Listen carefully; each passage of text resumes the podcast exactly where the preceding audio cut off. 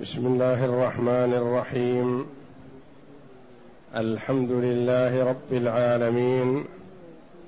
والصلاة والسلام على نبينا محمد وعلى آله وصحبه أجمعين. وبعد.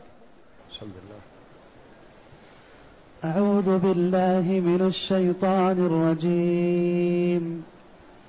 يوم ترى المؤمنين والمؤمنات يسعى نورهم بين أيديهم وبأيمانهم. بشراكم اليوم جنات تجري من تحتها الأنهار خالدين فيها.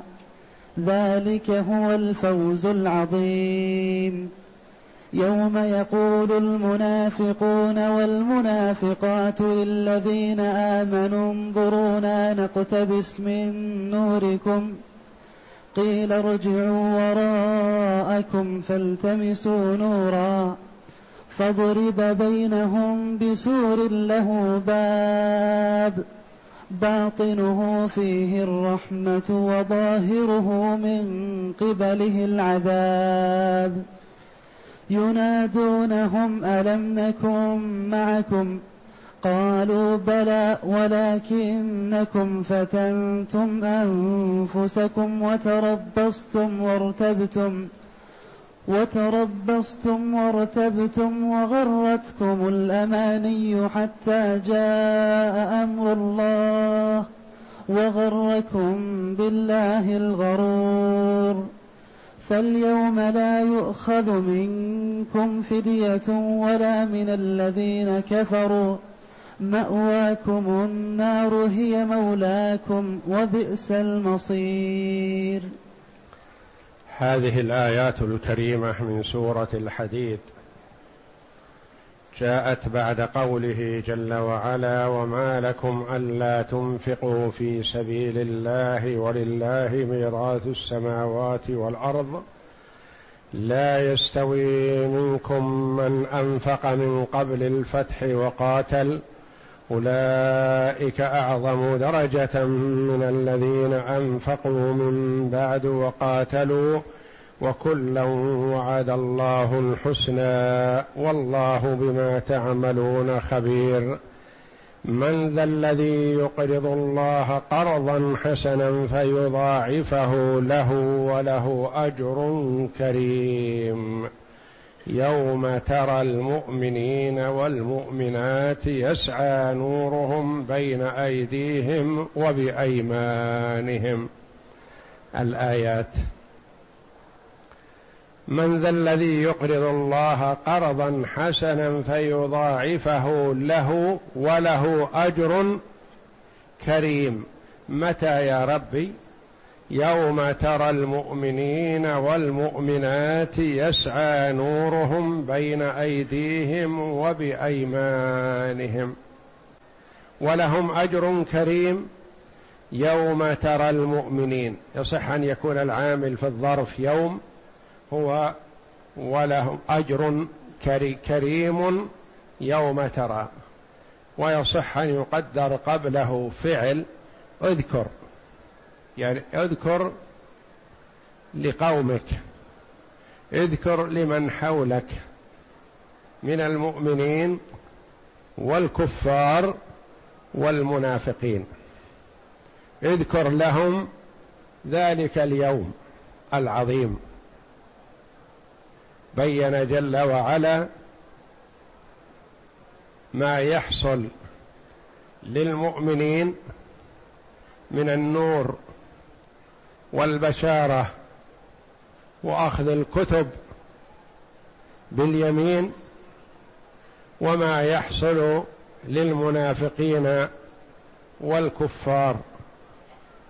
يوم ترى المؤمنين والمؤمنات يسعى نورهم بين أيديهم. الله جل وعلا يعطي المؤمنين النور الذي يهتدون به إلى الجنة حتى يدخلوها. لأن الناس في عرصات القيامة في ظلمات متراكمة. لا يسار فيها إلا بنور. فيعطي الله جل وعلا المؤمنين النور. قيل يعطي المؤمنين والمنافقين النور. ثم يطفأ نور المنافقين. يعاملهم جل وعلا حسب ما عاملوه سبحانه. أظهروا له الإسلام أظهروا ذلك للمؤمنين وهم في الباطن كفار.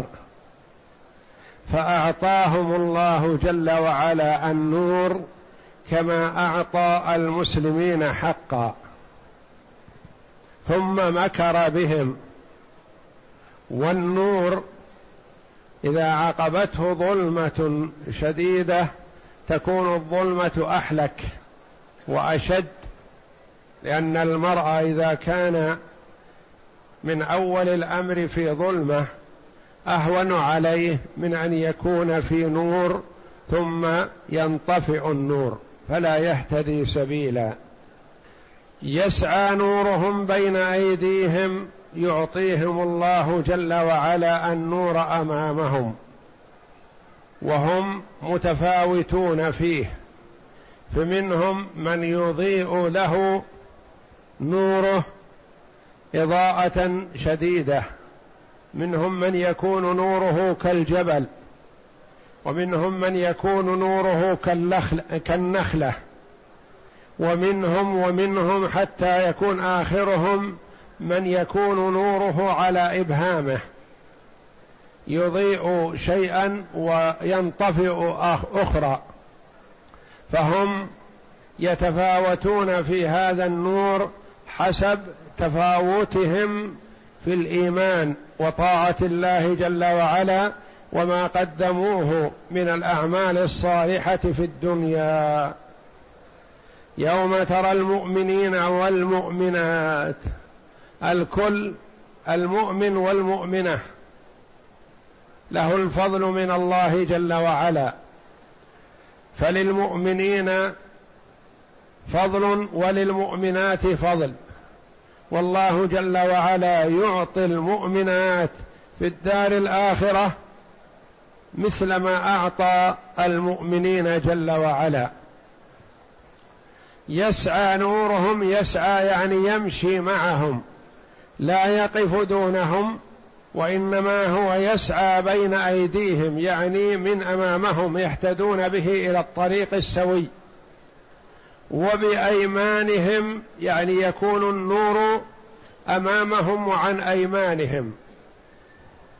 قيل المراد عن جميع جهاتهم لأنه ذكر اليمين اكتفاء ذكر البعض اكتفاء بذلك عن الكل واليمين أفضل. وقيل وبأيمانهم كتبهم يعني يعطون النور بين أيديهم ويعطون الكتب بأيمانهم. ومع هذا وهذا بشراكم اليوم جنات تجري من تحتها الأنهار. تبشرهم الملائكة لأن الفزع والرعب والخوف ينتاب الناس. كلهم. ففي هذه الحال تأتيهم البشارة من الله جل وعلا على لسان الملائكة. الملائكة تبشرهم بالجنة. بشراكم اليوم جنات تجري من تحتها الأنهار. ليس نهرا واحدا وإنما هي أنهار. أنهار من ماء غير آسن. وأنهار من لبن لم يتغير طعمه وأنهار من خمر لذة للشاربين وأنهار من عسل مصفى. وهذه الأنهار بقدرة الله جل وعلا تجري بغير أخدود تتوجه حيث يريد ساكن الجنة تتوجه حيث أراد. ليس لها طريق واحد تمشي معه ترتفع إليه إن ارتفع وتنخفض اليه إن إن انخفض وتأتيه في أي مكان هو فيه. ونعيم الجنة لا يستطيع أن يتصوره الإنسان في الدنيا ما يدركه.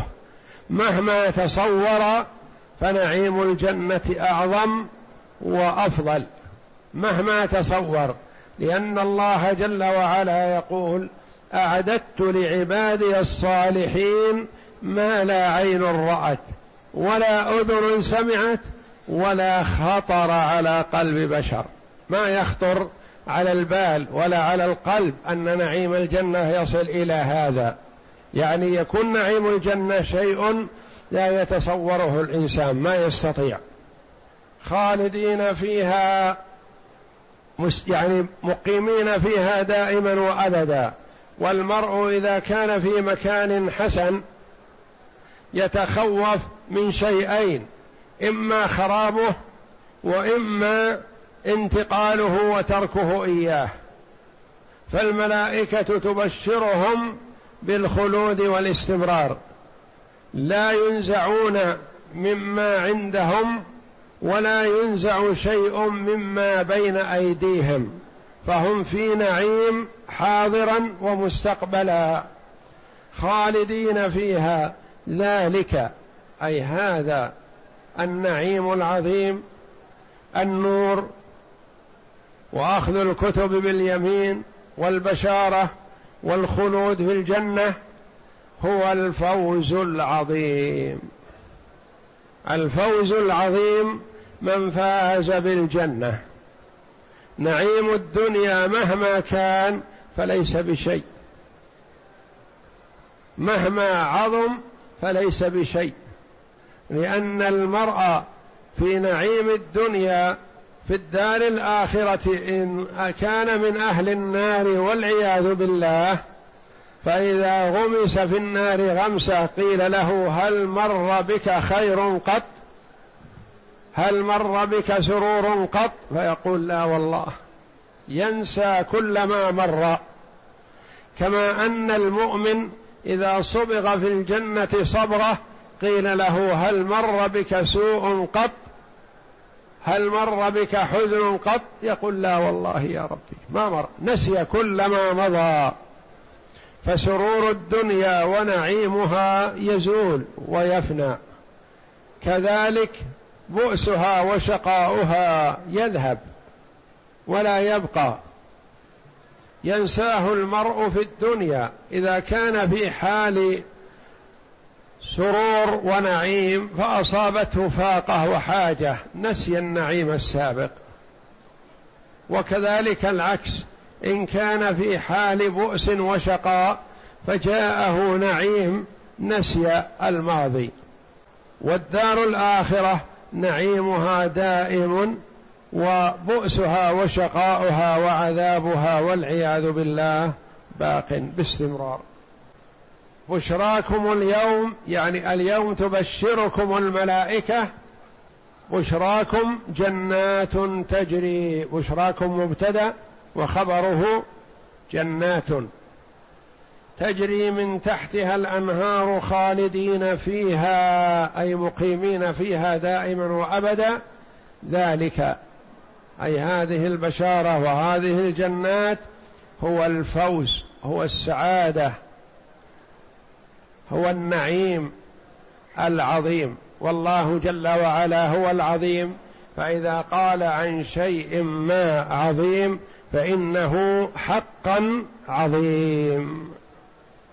يقول تعالى مخبرا عن المؤمنين المتصدقين أنهم يوم القيامة يسعى نورهم بين أيديهم في عرصات القيامة بحسب أعمالهم كما قال عبد الله بن مسعود في قوله تعالى يسعى نورهم بين أيديهم قال على قدر أعمالهم يمرون على الصراط منهم من, من نوره مثل الجبل ومنهم من نوره مثل النخلة ومنهم من نوره مثل الرجل القائم وأدناهم نورا من نوره في إبهامه يتقدم مرة ويطفأ مرة.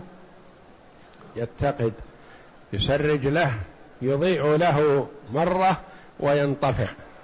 وكل على قدر نوره ولا يستفيد أحد من نور الآخر. ما يستطيع أن يستفيد من نور من قبله أو بعده أو بجواره. كل نوره له وحده. قال بعض العلماء مثل الأعمى يكون بجوار المبصر. هل يستفيد الأعمى شيئا من نور المبصر أو من السرج التي حوله؟ لا يستفيد شيئا. وفي قوله جل وعلا وبأيمانهم تقدم أن قلنا أنهم بأيمانهم يعني يأخذون كتبهم بأيمانهم أو بأيمانهم يكون النور من جميع الجهات وذكرت اليمين لأنها الأفضل. وقيل بإيمانهم بكسر الهمزة يعني بالإيمان الذي هو ضد الكفر. يسعى نورهم بين أيديهم بسبب إيمانهم بالله جل وعلا في الدار الآخرة. فهم آمنوا بالله في الدار الدنيا واجتهدوا بالأعمال الصالحة. فجعل الله جل وعلا إيمانهم واجتهادهم هذا نورا لهم على الصراط يستضيئون به. لأنه لا يستطيع أن يمر المرء على الصراط إلا بنور. والمرور على الصراط يتفاوت الناس فيه. منهم من يمر كلمح البصر ومنهم كالبرق ومنهم كالريح ومنهم كأجاود الخيل ومنهم يمشي مشيا ومنهم من يزحف زحفا ومنهم المكردس في نار جهنم والعياذ بالله. وكذلك النور يتفاوت معهم بحسب إيمانهم وأعمالهم الصالحة التي قدموها في الدار الدنيا. نعم. وبأيمانهم قال الضحاك أي وبأيمانهم كتبهم كما قال فمن أوتي كتابه بيمينه. يوم يقول المنافقون والمنافقات للذين آمنوا انظرونا نقتبس من نوركم. يوم مثل يوم السابق. يوم ترى المؤمنين والمؤمنات. يوم يقول المنافقون. يصح أن يكون العامل فيه هو العامل في يوم الأول ويصح أن يكون أذكر. أذكر لهم يوم يقول المنافقون والمنافقات. نوه جل وعلا بالمؤمنات مع المؤمنين. ونوه بالمنافقات مع المنافقين. يوم يقول المنافقون والمنافقات للذين آمنوا انظرونا نقتبس من نوركم. انظرونا. حينما ينطفئ نور المنافقين أو حينما يسيرون مع المؤمنين ومع المؤمنين نورهم فيسبقهم المؤمنون فيكون المنافقين في الظلمات. حينئذ ينادي المنافقون المؤمنون. المؤمنين يقولون انظرونا نقتبس من نوركم. انظروا إلينا أو التفتوا إلينا. أو امهلونا أو انتظروا نلحقكم نقتبس نستفيد من نوركم. كنا معكم في الدنيا نصلي معكم ونصوم معكم ونحج معكم ونجاهد معكم فلنكن معكم هنا في هذا النور الذي أعطيتموه. نقتبس من نوركم فيلتفت لهم المؤمنون ويقولون ارجعوا وراءكم. هذا النور الذي معنا لنا خاصة وليس لكم فيه نصيب وإنما نوركم أنتم خلفتموه خلفكم. ارجعوا وراءكم. إلى أين؟ قيل المراد ارجعوا إلى المكان الذي أعطانا الله جل وعلا فيه النور فهناك تقسم الأنوار. ارجعوا وراء فخذوا نور مثل ما أعطينا من باب التهكم بهم. وقيل رجعوا وراءكم يعني ارجعوا للدنيا. نحن أخذنا هذا النور بما عملناه في الدنيا. فأنتم ارجعوا للدنيا واعملوا مثل عملنا وخذوا مثل هذا النور. وكل هذا على سبيل التهكم بهم والاستهزاء. فالله يستهزئ بهم لأنهم كانوا يستهزئون بالمؤمنين في الدنيا ويسخرون منهم ويشيرون إليهم إشارة احتقار واستهزاء وسخرية. هذه صفة المنافقين في الدنيا فمن يتهكم بالمؤمنين أو بفقرائهم أو بالصالحين منهم فله نصيب من هذا الوعيد الشديد. الله يستهزئ بهم ويمدهم في طغيانهم يعمهون. قيل رجعوا وراءكم فالتمسوا نورا. فقد يرجعون يظنون أنهم يجدون مثل ما وجد المؤمنون. فضرب بينهم بسور له باب. حيل بينهم وبين المؤمنين. وضرب بينهم بسور الذي هو سور جهنم. أحاطت بهم ونجا منها المؤمنون. فضرب بينهم بسور له باب. باطنه فيه الرحمة الجنة. والنعيم للمؤمنين وظاهره من قبله من قبل هذا المنادي العذاب عذاب جهنم. فيخبر الله جل وعلا بما أعده للمؤمنين في الدار الآخرة كأنه رأي عين. كما يخبر تعالى ما أعده للكفار والمنافقين حتى كأن العاقل يرى بعيني رأسه ذلك. قيل رجعوا وراءكم فالتمسوا نورا فضرب بينهم بسور له باب. إلى هذا السور سور حسي وهو سور جهنم. وقيل سور معنوي أي وجد حاجز معنوي بحيث ذهب المؤمنون وبقي المنافقون في الظلمات يتخبطون فيقعون في نار جهنم. ينادونهم. ينادي المنافقون المؤمنين. يقولون لهم ألم نكن معكم؟ أما كنا نصلي معكم؟ ما كنتم تروننا في المسجد؟ ألم نكن معكم؟ في الصيام والحج. ألم نخرج الزكاة؟ ألم نخرج للجهاد؟ ألسنا نعمل الأعمال مثلكم؟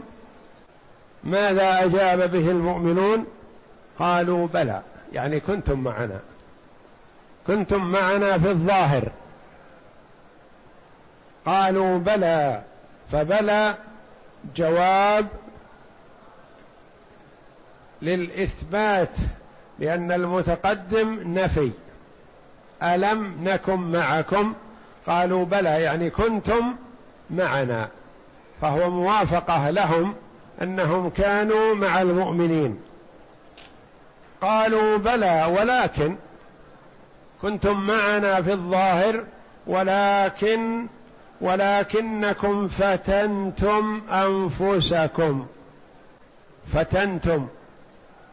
والفتنة بمعنى الاختبار والامتحان وبمعنى الصد والإعراض فتنتم أنفسكم وتربصتم يعني غررتم أنفسكم وتربصتم أجلتم وأخرتم التوبة وقعتم في المحرمات وتركتم الواجبات وأوجب الواجبات هو توحيد الله جل وعلا.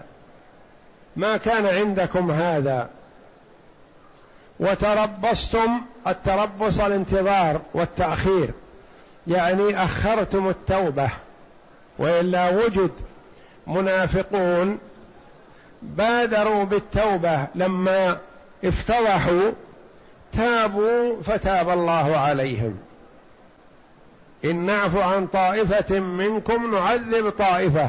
فعفى الله جل وعلا عن بعض المنافقين لما تابوا وأنابوا إلى الله. وتربصتم وارتبتم. كان عندكم شك. والمؤمنون عندهم اليقين بإخلاص العبادة لله وحده وحسن المتابعة للنبي صلى الله عليه وسلم. والإيمان باليوم الآخر وما يحصل فيه. ما عند المؤمن شك المنافق شاك. طيب لما يعمل هذه الأعمال في الدنيا؟ يعملها ليحفظ لنفسه مركزه أو ليحفظ ماله أو ليحقن دمه وهكذا. يعني فعل ما فعل لا إيمانا بالله وإنما لأجل غرض من أغراض الدنيا. لأنه يكون في مركز مثلا يحب أن يحافظ عليه يصلي وهو غير مؤمن لكن لو ما صلى شنعوا عليه. أو لربما أبعد أو ما أطيع فيما هو فيه ونحو ذلك. وارتبتم وغرتكم الأماني. تتمنون على الله الاماني وتكذبون على أنفسكم بأن الله يغفر لكم وأن الله يعفو عنكم وأنتم تعطون أنفسكم ما أرادت مما حرم الله جل وعلا. وغرتكم الأماني حتى جاء أمر الله حتى جاءكم الموت.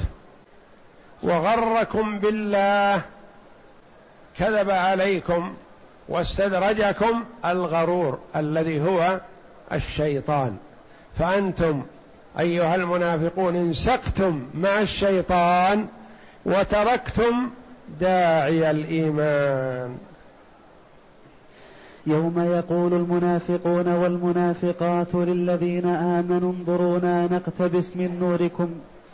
وهذا إخبار منه تعالى. عما يقع يوم القيامة في العرصات من الأهوال المزعجة والزلازل العظيمة والأمور الفظيعة وأنه لا ينجو يومئذ إلا من آمن بالله ورسوله وعمل بما أمر الله به وترك ما نهى عنه وزجر. قال ابن أبي حاتم عن سليم بن عامر قال خرجنا على جنازة في باب دمشق ومعنا أبو أمامة الباهلي فلما صلي على الجنازة وأخذوا في دفنها قال أبو أمامة أيها الناس إنكم قد أصبحتم وأمسيتم في منزل تقتسمون فيه الحسنات هذا هكذا كان الصحابة رضي الله عنهم يغتنمون الفرص فعند وجل القلوب وخوفها أو عند حضور الجنازة أو عند حضور حلول المصائب يغتنم الفرصة بالنصيحة والتوجيه لأن القلوب تكون مقبلة خائفة وجلة منصتة لما يقال. نعم. أيها الناس إنكم قد أصبحتم وأمسيتم في منزل تقتسمون فيه الحسنات. تقتسمون الحسنات يعني بإمكانك أن تأخذ الجزء الأكبر من الحسنات. ما دمت في الدنيا اعمل صالحا تأخذ حسنات كثير. اترك الأعمال الصالحة تقل حسناتك. وقعت في السيئات تأخذ سيئات. تقتسمون الحسنات والسيئات بحسب عمل المرء. إذا اجتهد في الطاعات أكثر من الحسنات وإذا أهمل الطاعات ووقع في المحرمات أكثر من السيئات فهو في دار الكسب وفي دار الجمع يجمع ما يقبل عليه. إن أقبل على الطاعات جمع الحسنات وأكثر منها وإن وقع في المحرمات وترك الواجبات بدأ يجمع من السيئات على ظهره. نعم. وتوشكون أن تضعنوا منه إلى منزل آخر وهو هذا يشير إلى القبر.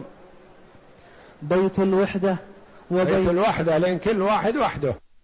مظلم إلا من نوره الله جل وعلا عليه. فهو إما في روضة من رياض الجنة أو في حفرة من حفر النار.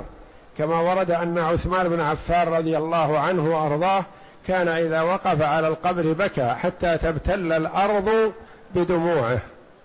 فقيل له يرحمك الله تذكر الجنة والنار ولا يكن عندك هذا. فإذا ذكرت القبر أو رأيت القبر حصل عندك هذا. قال نعم إن القبر هو أول منزل من منازل الآخرة. المرء إذا وضع في قبره عرف. فهو أول منزل من منازل الآخرة. فإن كان خيرا فما بعده خير منه. لأنه إذا كان روضة من رياض الجنة فما بعده أفضل وأكمل. وإن كان شرا حفرة من حفر النار والعياذ بالله فما بعده شر منه. فالبشارة وإنكشاف الأمر للعبد في القبر. ومن الناس من يبشر وهو في الدنيا قبل أن ينتقل. يبشر عند الاحتضار في ملائكة الرحمة تبشره أو تأتيه ملائكة العذاب والعياذ بالله. وبيت الدود. بيت الدود يعني الحشرات التي تأكل جسم الإنسان. نعم. والروائح الكريهة. نعم. وبيت الضيق. إلا ما وسع الله.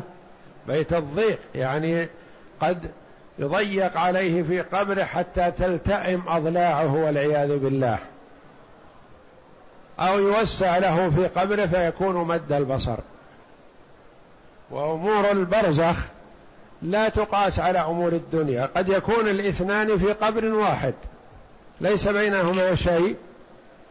أحدهما في روضة من رياض الجنة وينور له في قبره ويفسح له فيه والآخر والعياذ بالله في حفرة من حفر النار ويضيق عليه قبره وتلتئم أضلاعه ويعذب العذاب الشديد ويضرب بمرزبة من حديد يصيح صيحة يسمعها كل شيء إلا الثقلين ولو سمعها الإنسان لصعق. هذا يعذب في قبره وهذا منعم في قبره ولا يدري أحدهما.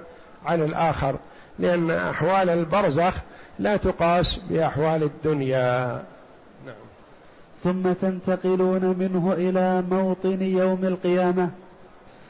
فإنكم في بعض تلك المواطن فإنكم في بعض تلك المواطن حتى يغشى الناس يغشى الناس أمر من الله فتضيق وجوه وتسو فتبيض وجوه وتسود وجوه. وجوه تبيض بالبشارة العظيمة والنعيم المقيم ووجوه تسود والعياذ بالله بالعذاب والنكال والخزي والفضيحة. نسأل الله العافية والسلامة. نعم. ثم تنتقلون منه إلى منزل آخر فيغشى الناس ظلمة شديدة. ثم يقسم النور فيعطى المؤمن نورا ويترك الكافر والمنافق فلا يعطيان شيئا. وهذا المثل الذي ضربه الله تعالى في كتابه فقال أو كظلمات في بحر لجي يغشاه موج من فوقه موج من فوقه سحاب ظلمات بعضها فوق بعض. يعني في عرصات القيامة ظلمات شديدة متراكمة. إلا من وهبه الله جل وعلا النور فيكون نوره له وحده. ما يشترك معه فيه غيره. ظلمات بعضها فوق بعض. إذا أخرج يده لم يكد يراها ومن لم يجعل الله له نورا فما له من نور. فلا يستضيء الكافر والمنافق بنور المؤمن كما لا يستضيء الأعمى ببصر البصير. ويقول المنافقون والمنافقات للذين آمنوا انظرونا نقتبس من نوركم. قيل ارجعوا وراءكم فالتمسوا نورا. وهذه خدعة خدعة الله التي خدع بها المنافقين. حيث يعني يقول لهم ارجعوا فيرجعون يظنون أنهم يجدون شيء. وهذه مخادعة لهم. هم يخادعون الله جل وعلا في الدنيا يظهرون الإيمان وهم كفار. والمنافق أشد ضررا على المؤمنين من اليهود والنصارى. ولهذا جعل الله جل وعلا المنافقين في الدرك الأسفل من النار. لأن المنافق يغرر المؤمن وينخدع به المؤمن أحيانا لأنه يظنه مسلم ويظنه يدعوه إلى الخير. بخلاف اليهودي والنصراني فالمؤمن لا يطيعه ولا يقبل منه. فضرر المنافقين على المؤمنين في الدنيا عظيم. فهم يخادعون الله ويخادعون الذين آمنوا. والله جل وعلا خادعهم لا تخفى عليه خافية. وإنما يمهل ولا يهمل سبحانه وتعالى. نعم. وهذه خدعة الله التي خدع بها المنافقين. حيث قال يخادعون الله وهو خادعهم فيرجعون إلى المكان الذي قسم فيه النور فلا يجدون شيئا فينصرفون إليهم وقد ضرب بينهم بسور له باب باطنه فيه الرحمة وظاهره من قبله العذاب ينادونهم ألم نكن معكم أي ينادي المنافقون المؤمنين أما كنا معكم في الدار الدنيا نشهد معكم الجماعات ونصلي معكم الجماعة ونقف معكم بعرفات ونحضر معكم الغزوات ونؤدي معكم سائر العبادات. قالوا بلى أي فأجاب المؤمنون المنافقين؟ قائلين بلى قد كنتم معنا. ولكنكم فتنتم أنفسكم وتربصتم وارتبتم وغرتكم الأماني. فتنتم أنفسكم أهلكتموها بالنفاق والكفر لأن النفاق كفر باطني وظاهره الإسلام لا ينفع لأنه في الظاهر فقط. قال بعض السلف أي فتنتم أنفسكم باللذات والمعاصي والشهوات؟ انسقتم مع الشهوات يعني ما تشتهيه نفسه يعطيها من حلال أو حرام والعياذ بالله. وتربصتم أي أخرتم التوبة من وقت إلى وقت.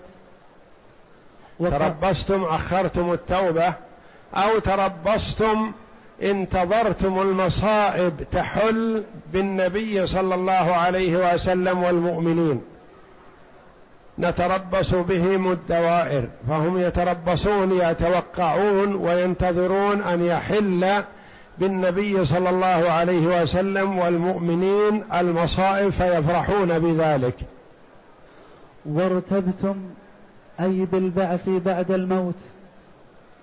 أو شككتم فيما أنتم فيه؟ يعني ما تعملون الأعمال هذه الصالحة عن يقين وإنما عن شك وريب. نعم. وغرتكم الأماني أي قلتم سيغفر لنا؟ وقيل غرتكم الدنيا حتى جاء أمر الله. أي ما زلتم في هذا حتى جاءكم الموت. وغركم بالله الغرور. أي الشيطان؟ قال قتاده كانوا على خدعة من الشيطان. والله ما زالوا عليها حتى قذفهم الله في النار. ومعنى هذا الكلام من المؤمنين للمنافقين أنكم كنتم معنا أي بالأبدان لا بالنية أي لا بنية لها ولا قلوب معها. قيل المراد غركم الشيطان قال لكم الله غفور رحيم الله جواد كريم الله لا يعذبكم. افعل ما تفعل والله يغفر لك. وهكذا حتى أتاه الموت وهو على هذه الذنوب والكبائر فهلك والعياذ بالله. فاليوم لا يؤخذ منكم فدية. لو افتديتم بكل ما في الدنيا ما قبل منكم. ولا من الذين كفروا مثلكم كذلك الكفار لكن الكفار كفروا كفرا صريح. وما اظهروا شيئا من الخير. فهؤلاء من أول الأمر أمر بهم إلى النار. لكن أنتم الذين خدعتم المؤمنين وخادعتم الله فالله جل وعلا يخادعكم. يخادعهم في ذلك الموطن العصيب. فاليوم لا يؤخذ منكم فدية. يعني لو حاول أن يفتدي مع أنه ما عنده شيء يفتدي به. ولا من الذين كفروا مأواكم النار. يعني هي مآلكم وهي مقركم. مأواكم النار هي مولاكم. يعني كأنها القيمة عليكم المتولية لأمركم. قال بعض السلف الله جل وعلا يجعل في النار العقل وذلك أنها تكاد تميز من الغيظ يكون عندها الغيظ والحقد. والكراهية للكفار فتنتقم منهم مقابل ما عصوا الله جل وعلا في الدنيا. تكاد تميز من الغيظ تكاد تتقطع من الغضب الشديد الذي فيها نحو الكفار. وكذلك الملائكة ملائكة كما وصفهم الله جل وعلا غلاظ شداد لا يعصون الله ما أمرهم ويفعلون ما يؤمرون. حبب إليهم تعذيب المستحقين للعذاب من بني آدم كما حبب لبني آدم الطعام والشراب. خلقهم الله جل وعلا لهذا. هي مولاكم تتولاكم وهي مقركم.